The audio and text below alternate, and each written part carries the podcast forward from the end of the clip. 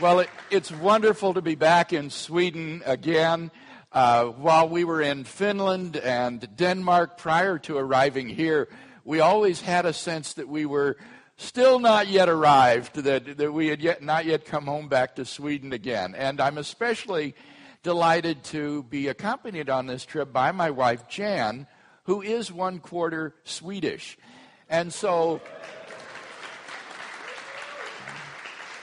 I wanted her to be able to come with me to see uh, the land of her uh, forefathers. Her great grandparents are from Karlskrona on the coast and emigrated to Minnesota, uh, and that was where she was born. So it's just a delight to be with you, and especially to be part of a, a conference like this on Christian apologetics, which I think holds great promise for bringing revitalization and revival of the church uh, here in Sweden. In the winter of 1985, Jan and I returned from a sabbatical in Paris to discover that the dean of the seminary at which I taught had decided to terminate the program in philosophy of religion and eliminate the department in which I was teaching. More than that, he also proposed to eliminate apologetics as a required course in the Master of Divinity curriculum. And when I protested that Christian apologetics was a vital part of the training of our future ministers, his reply shocked me.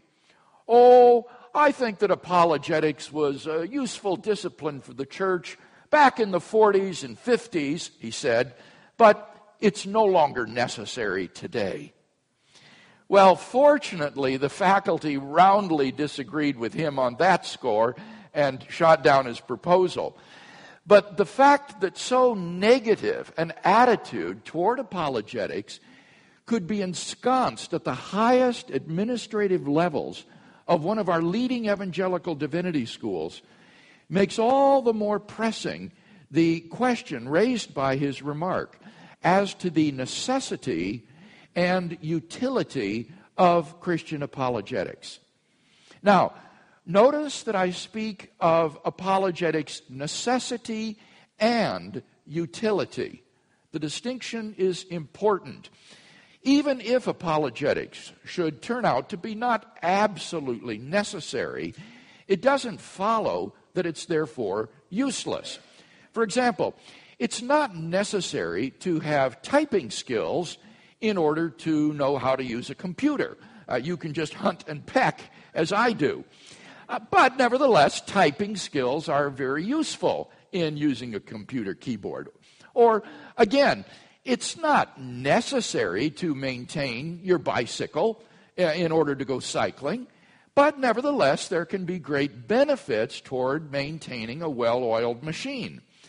And in the same way, Christian apologetics can be of great utility even if it's not necessary for some task. And so we need to ask concerning Christian apologetics not only who needs it, but also what is it good for? Now, Christian apologetics may be defined as that branch of Christian theology which seeks to provide rational warrant or justification for Christianity's truth claims. And I happen to agree wholeheartedly with contemporary so called Reformed epistemologists like Alvin Plantinga that apologetic arguments and evidence are not, in fact, necessary in order for Christian belief to be warranted or justified for any person. The contention by theological rationalists, or as they're sometimes misleadingly uh, called, evidentialists, that Christian faith is irrational in the absence of argument and evidence is, I think, difficult to square with Scripture. Scripture seems to teach that faith in Christ can be immediately grounded in the inner witness of the Holy Spirit. Think of Paul's remarks in Romans 8, verses 14 to 16, for example. So that argument and evidence are not absolutely necessary in order for Christian to believe to be rationally justified. So, even if apologetics is not necessary in order for belief to be warranted, it doesn't follow from that that Christian apologetics is therefore useless or of no benefit in warranting the Christian faith. If the arguments of natural theology and Christian evidences are sound, then Christian belief is warranted by such arguments and evidences for the person who grasps them, even if that person would still be justified in Christian belief in their absence. Such a person is doubly warranted in his Christian belief in the sense that he has two sources of warrant the apologetic arguments and evidence on the one hand, and the immediate witness of the Holy Spirit on the other. And I think that we can envision great benefits accruing to a believer from having this sort of dual warrant for one's Christian beliefs. Having sound arguments or evidence for the existence of God uh, or for biblical uh, historicity of the New Testament records of Jesus' life, in addition to the inner witness of the Holy Spirit, could increase the believer's confidence in the veracity of Christian truth claims. Moreover, the availability of independent argument and evidence for Christian truth claims, apart from the witness of the Holy Spirit, could help to predispose the unbeliever to be open to the drawing of the Holy Spirit when he hears the gospel. It could also provide the believer with rational support in times of doubt or spiritual dryness when the Spirit's witness seems eclipsed in his life. And I'm sure we could doubtless think of many other ways in which the possession of such a dual warrant of one's Christian beliefs would be greatly beneficial. So, the question is do the arguments of natural theology and Christian evidences warrant Christian belief? Well, I think they do. In my published work, I've defended versions of the cosmological, teleological, axiological, and ontological arguments for God's existence. And I've also sought to defend theism against the principal objections raised by agnostics and a- atheistic thinkers to belief in God, such as the problem of evil, uh, the hiddenness of God, or the coherence of theism. Moreover, I've argued for the authenticity of Jesus' radical personal claims and for the historicity of his empty tomb, his post mortem appearances to different individuals and groups, and the unexpected belief of his earliest disciples that God had raised Jesus from the dead. Moreover, I've argued using the standard criteria for assessing historical hypotheses that the best explanation of these facts is that God raised Jesus from the dead. Now, if these arguments and evidence are correct, then Christian theism is warranted by the arguments of natural theology and Christian evidences, as well as by the witness of the Holy Spirit. So, while apologetic arguments are not necessary in order for Christian belief to be rational or even for us to know that Christianity is true, still they are sufficient for that end. And this dual warrant for Christian beliefs can have tremendous benefit in a person's life. And therefore, the success of Reformed epistemology and the failure of theological rationalism in no way imply that apologetics is useless or unimportant. More than that, even if apologetics is not necessary in warranting Christian belief, Christian apologetics may still be vital and perhaps even necessary with respect to certain other ends.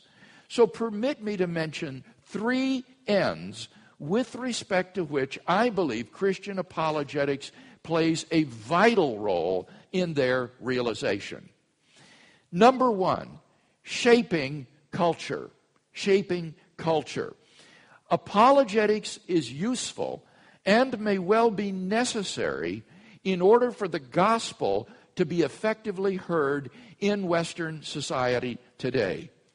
In general, Western culture is deeply post Christian. Western culture is the product of the Enlightenment, that 18th century movement of thought which introduced into European culture the leaven of secularism, which has by now permeated the whole of Western society. The hallmark of the Enlightenment was so called free thought.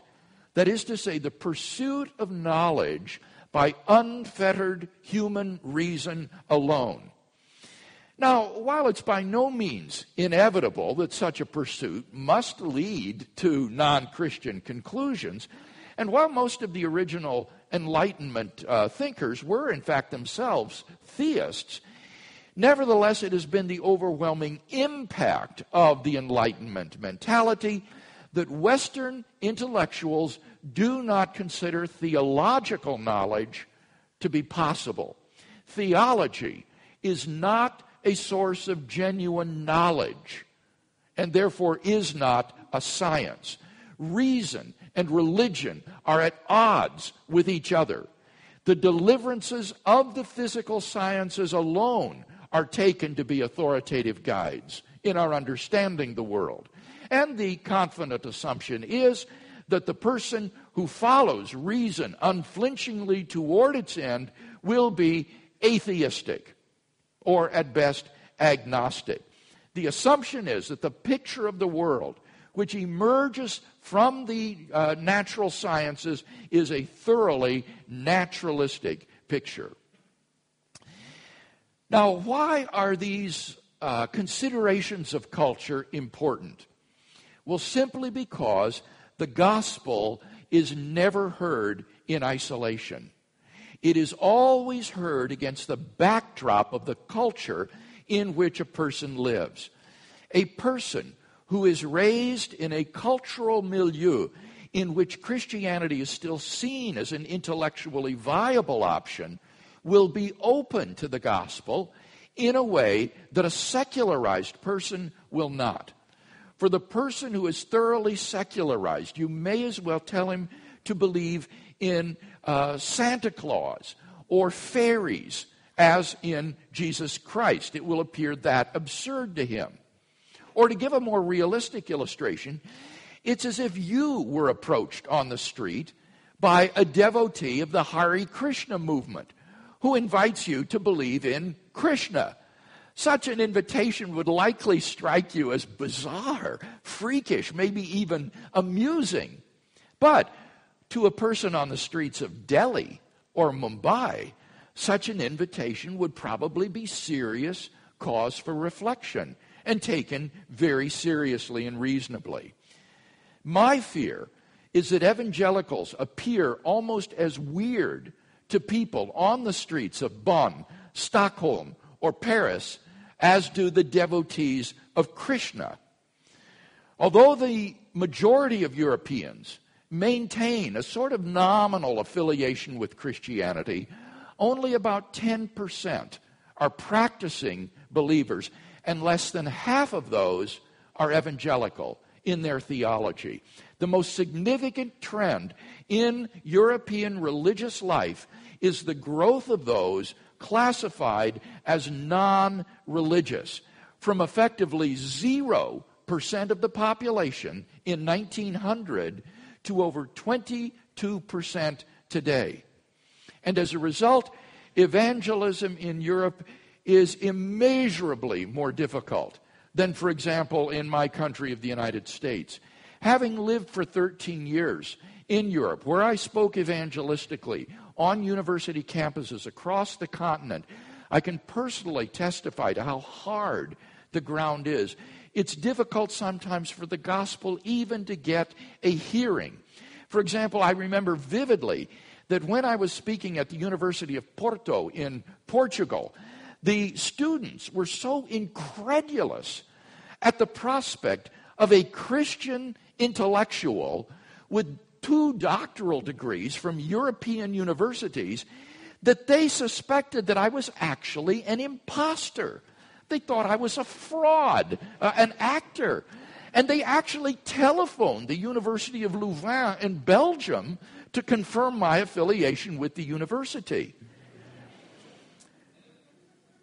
Um, it's for that reason, I think, that Christians who depreciate the value of apologetics, because, as they say, nobody comes to Christ through arguments, are being so short sighted.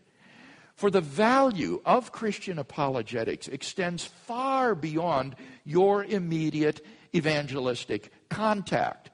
It is the broader task of Christian apologetics to help to create and preserve a cultural milieu in which Christianity can be heard as an intellectually viable option for thinking men and women.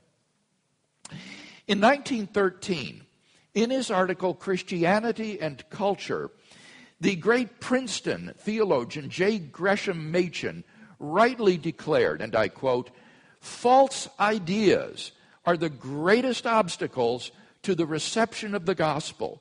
We may preach with all the fervor of a reformer and yet succeed only in winning a straggler here and there if we permit the whole collective thought of the nation to be controlled by ideas which prevent Christianity from being regarded as anything more than a harmless delusion.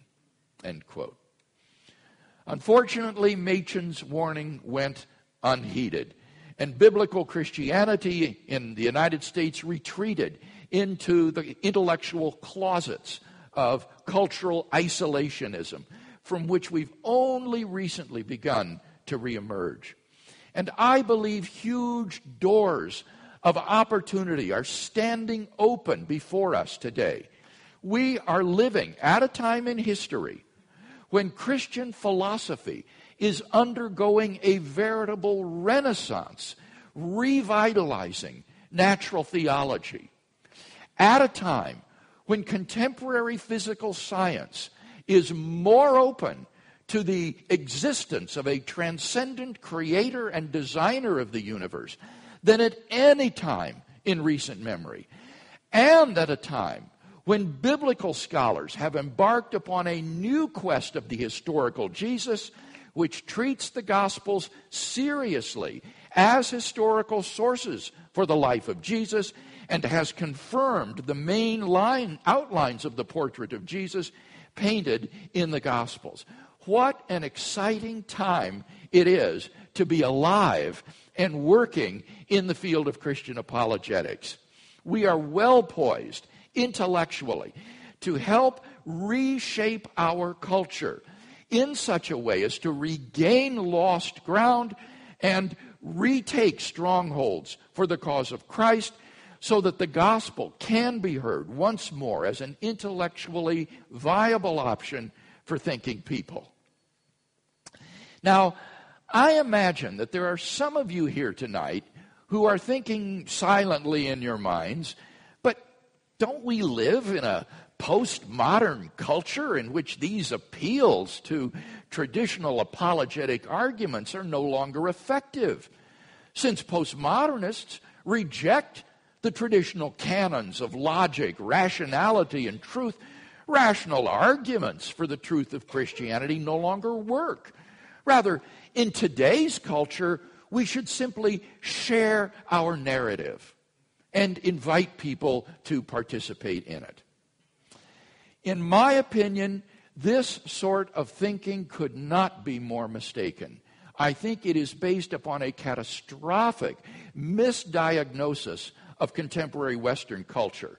The idea that we live in a postmodern culture is a myth. In fact, a postmodern culture is an impossibility. It would be utterly unlivable. Nobody, nobody is a postmodernist when it comes to reading the labels on a bottle of aspirin or a box of rat poison. If you got a headache, you better believe that texts have objective meaning. People are not relativistic and pluralistic when it comes to matters of science, engineering, or technology. Rather, they are relativistic and pluralistic when it comes to matters of religion and ethics. But you see, that's not postmodernism, that's modernism. That's just old line positivism and verificationism, which says that if you can't verify something through your five senses, then it's just a matter of personal taste and emotive expression. We live in a cultural milieu which remains at its heart deeply modernist. In fact, I think that postmodernism is the craftiest deception that Satan has yet devised. Modernism is dead, he tells us. You need no longer fear it. Forget about it. It's dead and buried. Meanwhile, modernism, pretending to be dead, comes back around again in the fancy new dress of postmodernism, masquerading as a new challenger. Your old arguments and evidence are no longer effective against this new challenger, we're told. Uh, lay them aside. They no longer work. Just, just share your narrative. And so we are deceived into laying down voluntarily our best weapons of logic and rationality. And in fact, some even welcome the new visitor with relief. And so Satan deceives us and thus ensures modernism's triumph over us. If we adopt this suicidal course of action, then the consequences for the church in the next generation will be catastrophic. Christianity will be reduced to but one voice in a cacophony of competing voices, each one sharing its narrative, and none of them commending itself as the objective truth about reality. While scientific naturalism continues to shape our culture's view of how the world really is. Now, of course, it goes without saying that in doing apologetics, we should be relational, humble, and invitational. But that's hardly an original insight of postmodernism. From the very beginning, Christian apologists have known that we should present the reason for our hope within with gentleness and respect, as it says in 1 Peter 3:15. You don't need to abandon the canons of logic, rationality, and truth in order to exemplify these biblical virtues. And as for the idea that people in our culture are no longer interested in or responsive to rational argumentation and evidence for Christianity, well, nothing could be farther from the truth. Uh, if I might be permitted to speak from my own experience, for over 20 years now, I've been speaking on university campuses in North America and in Europe, sharing the gospel in the context of presenting an intellectual defense of Christian truth claims. And I almost always close my talks with a long period of question and answer with the student audience. And during all those years, virtually no one has ever stood up and said, Your arguments are based upon Western chauvinistic standards of logic and rationality, or express some other sort of postmodernist sentiment. This almost never happens. I find that if you approach the topic rationally, people respond rationally. If you present scientific or historical evidence for a Christian truth claim, unbelieving students may argue with you about the facts, which is exactly what you want them to do, but they don't attack the objectivity of science or of history themselves. If you present a deductive argument for Christianity's truth claims, unbelieving students might raise objections to your conclusion or your premises, which again is exactly what you want them to do. That's where the discussion should be, right? But they don't dispute your use of logic itself. Now, I do find that students can be very suspicious of a Christian speaker. And so they like to hear both sides of an argument presented. And for that reason, I have found debates to be an especially effective forum for university evangelism. I competed for uh, eight years in high school and intercollegiate debate activities, uh, debating political questions of public policy, like the military assistance program or wage and price controls and so forth. I never dreamt that someday debate would become a ministry activity. But shortly after finishing my theological studies in Germany, I began to receive invitations from Christian campus organizations in Canada to participate in debates on topics like Does God exist? or humanism versus Christianity, or did Jesus really rise from the dead, and so on and so forth. And what I've discovered is that whereas a few score or maybe a couple hundred uh, might come out and hear me give a talk, several hundred or even thousands of students will come out to hear a debate where they can hear both sides presented. For example, last October, I had a remarkable debate and speaking tour of England. And at every venue at which I debated, the uh, halls were sold out. They had to sell out in order to meet their rental costs for the evening. People actually had to buy tickets to get in. And in every venue, it was completely filled. 2,000 people filled Westminster Central Hall in downtown London to hear my debate with Stephen Law on the existence of God. At the Cambridge Union Debating Society at Cambridge University, 750 students not only filled the chamber where the debate was held, but two overflow rooms where the debate was piped by closed circuit television, and then even in the student bar, there were students watching by television. I've just come from the University of Helsinki, where the auditorium that held 350 people for my debate with uh, Kari Enqvist, a professor of physics at the university, was completely filled, and 100 people had to be turned away. In uh, Denmark, at the, uh, in Copenhagen, we had a debate with a philosopher from the University of Copenhagen named Clemens Kappel, and 600 people filled the room. 200 people had to be turned away that evening. The approach in all of these debates is one of rational argument and evidence. There is tremendous interest among students in hearing a balanced discussion of the reasons for and against Christian belief. So, don't be deceived into thinking that people in our culture are no longer interested in the evidence for Christianity. Precisely the opposite is true. It is vitally important that we create and shape a culture in which the gospel is a living option for thinking people. And apologetics will be front and center in helping to bring about that result.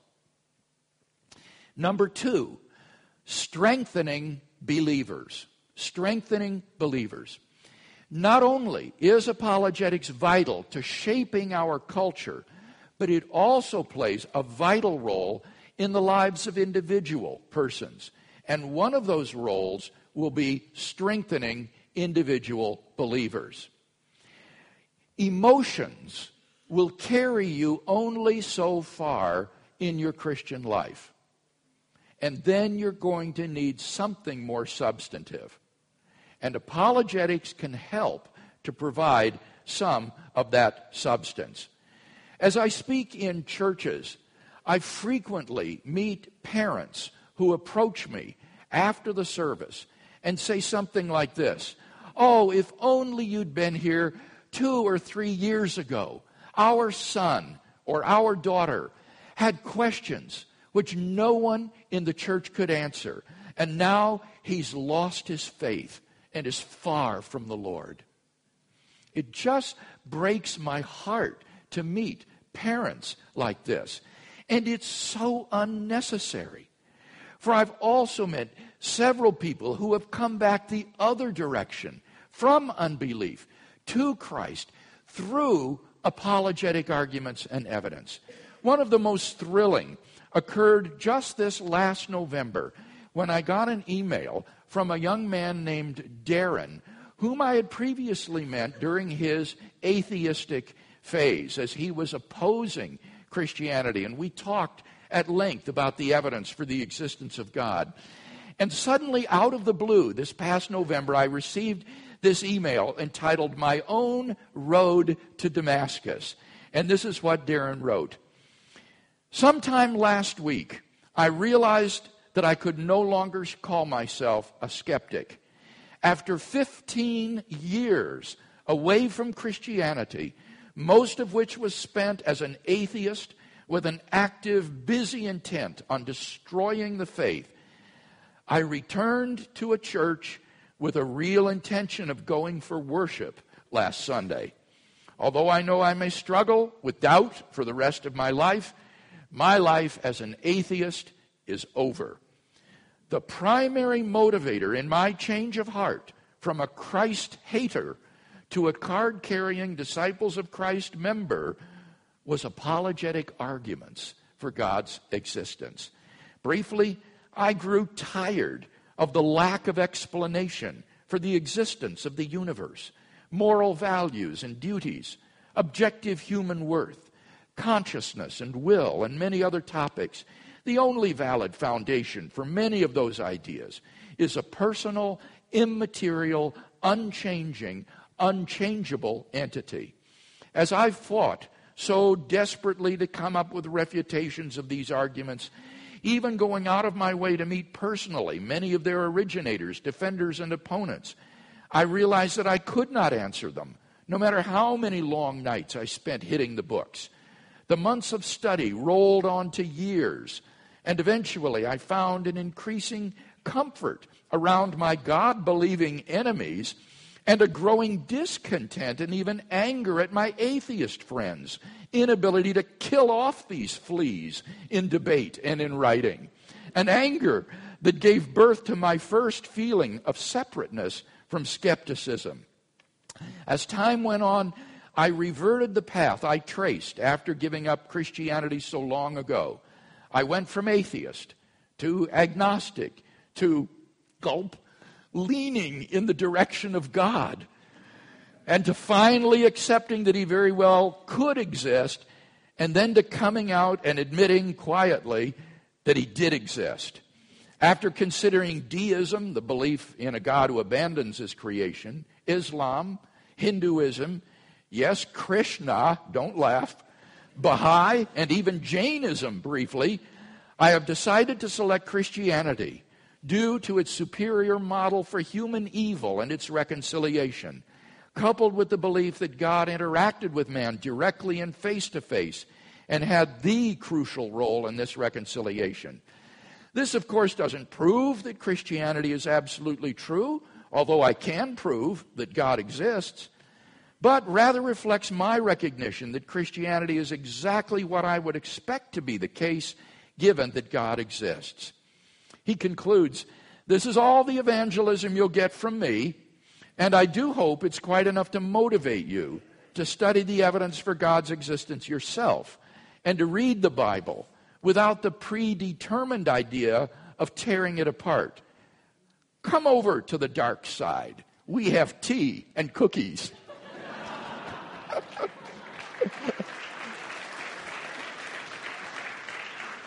You can imagine my thrill when I read that letter. Uh, unfortunately, people like Darren are all too few in our contemporary culture. In secondary school and university, teenagers are intellectually assaulted with every manner of non Christian philosophy, conjoined with an overwhelming relativism. If parents are not intellectually engaged with their faith, and do not have sound arguments for Christian theism and good answers to their children's questions, then we are in real danger of losing our youth. It is no longer sufficient to simply read Bible stories to our children. They need doctrine and apologetics. Frankly, I think it's hard to understand how parents can undertake parenthood these days without training in Christian apologetics. Unfortunately, our churches have largely dropped the ball in this area. Uh, it's insufficient for youth groups to just focus on entertainment, worship experiences, and simpering devotional thoughts. We've got to train our kids for war. We dare not send them out to public school and university armed with rubber swords and plastic armor. The time for playing games is past. But Christian apologetics does much more than just safeguard against lapses. The positive, upbuilding effects of Christian apologetics is even more evident.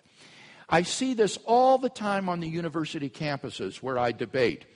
The Canadian theologian John Stackhouse once remarked to me that these debates are really a westernized version of what missionaries call a power encounter, where the local deity has a showdown with the God proclaimed by the missionaries.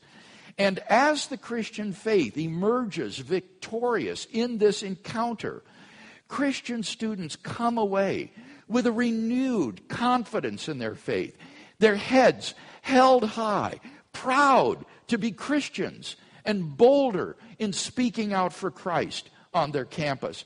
Sometimes after a debate, students will say to me, I can't wait to go out and share my faith in Christ. I find that many Christians do not share their faith because they're afraid. They're afraid that the non believer will raise objections or ask a question that they can't answer. And so they choose to remain silent and they hide their light under a bushel in disobedience to Christ's command.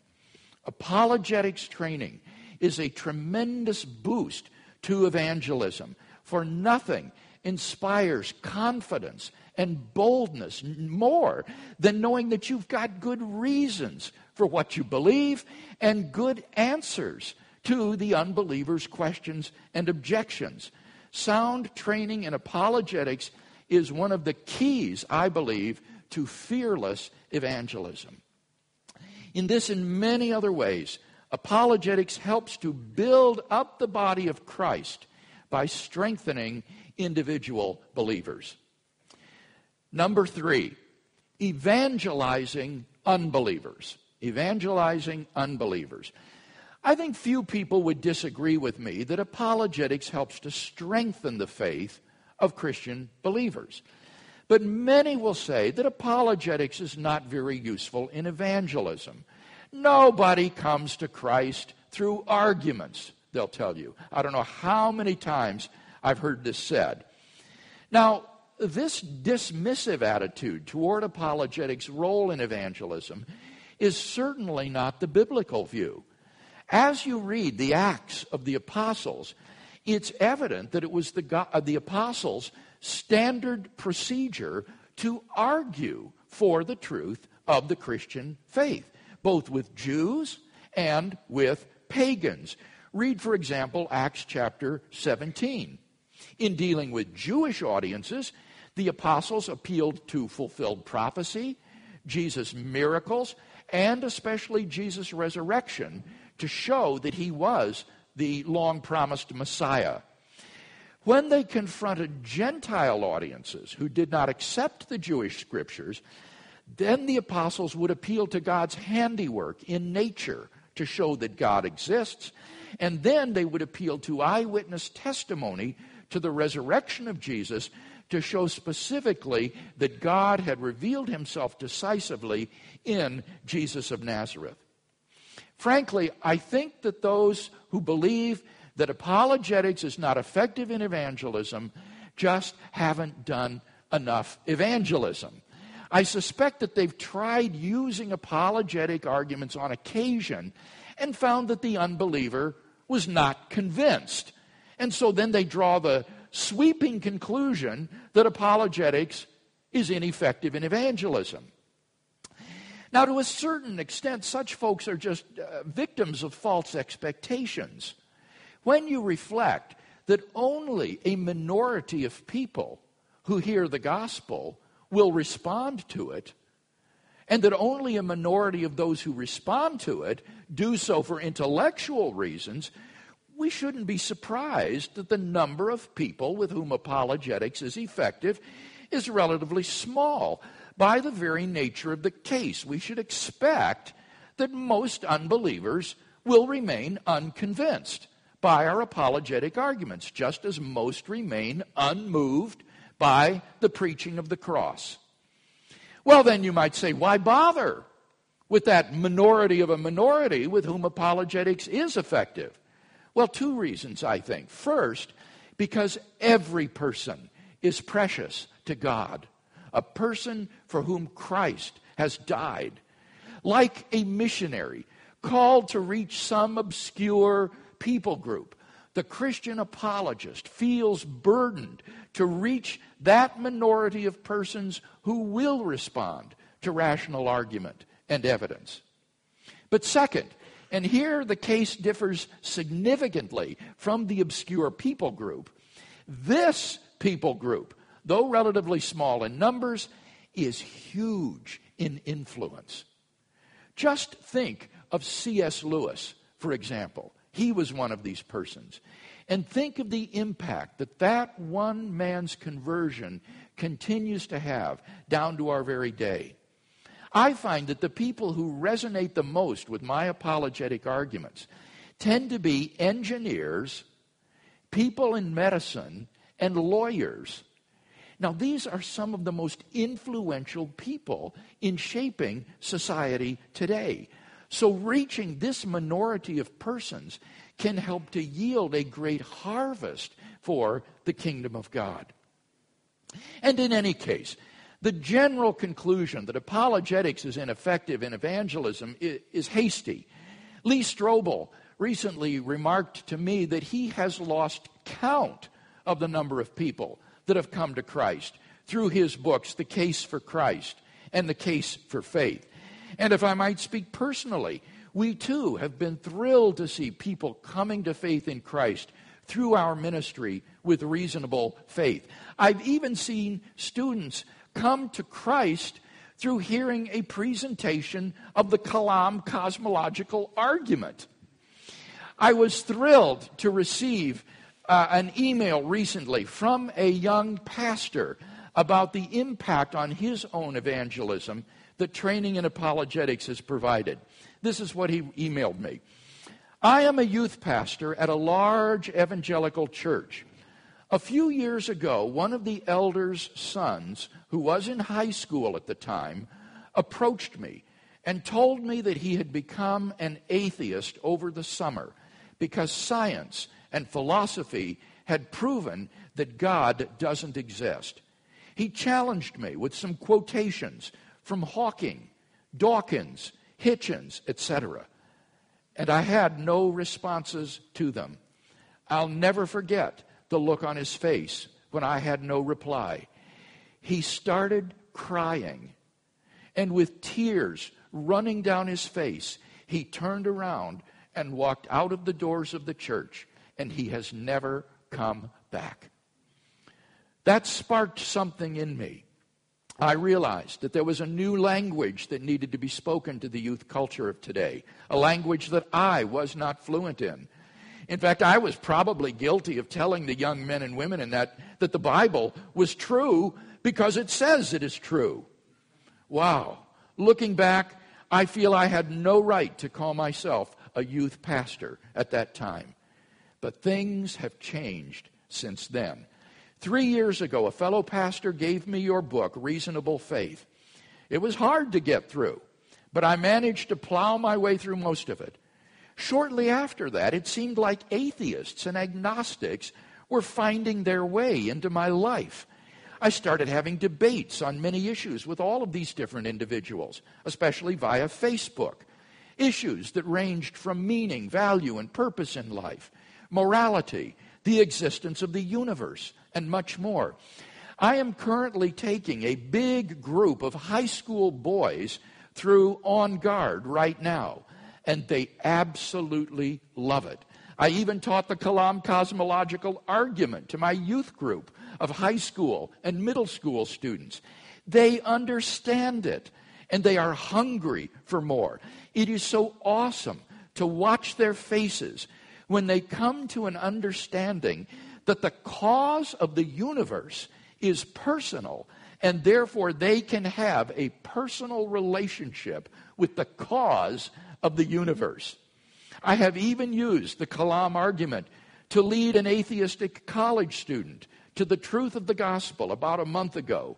Now, this former skeptic is studying on guard with me too. He wants to go to seminary now and devote his life to the truth. I am seeing kids come to Christ on a regular basis. I have also seen many of the Christian students grow stronger in their faith and bolder in their evangelism because they are not afraid of having their faith questioned. So, People who say that apologetics is not effective in evangelism must be speaking out of their limited experience. When apologetics is persuasively presented and sensitively combined with a gospel presentation and a personal testimony, then the Spirit of God is pleased to use it to draw persons to Himself. So, in conclusion, I think it's great that you are here for this conference and for this apologetics training. Training in Christian apologetics is a vital part of Christian discipleship, especially for those of us in Western culture today. While it may not be necessary for warranting Christian belief, it is, I believe, sufficient for warranting Christian belief and therefore of great benefit. Moreover, apologetics plays a vital and I think even crucial role in shaping culture, strengthening believers, and evangelizing unbelievers. And for all of these reasons, I am unapologetically enthusiastic about Christian apologetics.